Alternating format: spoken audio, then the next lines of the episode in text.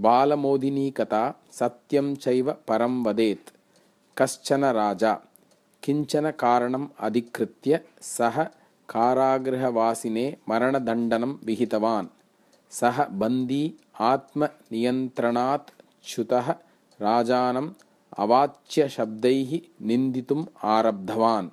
कथञ्चित् मरणं तु निश्चितम् इतः परं का चिन्ता इत्येवं विचिन्त्य तेन तथा आचरितम् आसीत्।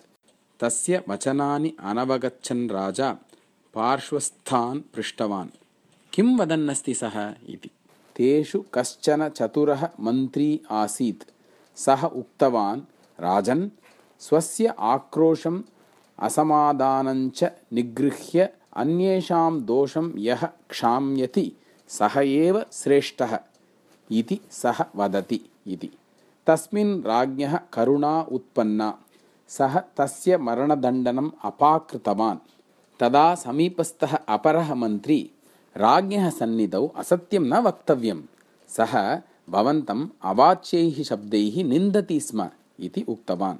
तदा राज्ञा उक्तं स्यान्नाम किन्तु भवता उक्तस्य सत्यस्य अपेक्षया तेन उक्तम् असत्यमेव श्रेष्ठं यतः तेन उक्तम् असत्यं मानविहितोद्देशेन। घातकस्य सत्यस्य अपेक्षया परोपकारी असत्यमेव श्रेष्ठम् इति अस्माकं पूर्वजाः वदन्ति स्म इति। सत्यं वदेत् इत्यस्य अर्थः अनृतं न वक्तव्यम् इत्येतावत् एव न। अपि तु अन्येषां हितं विचिन्त्य औदार्येण प्रेरितमेव सत्यं मौल्ययुतं भवति इति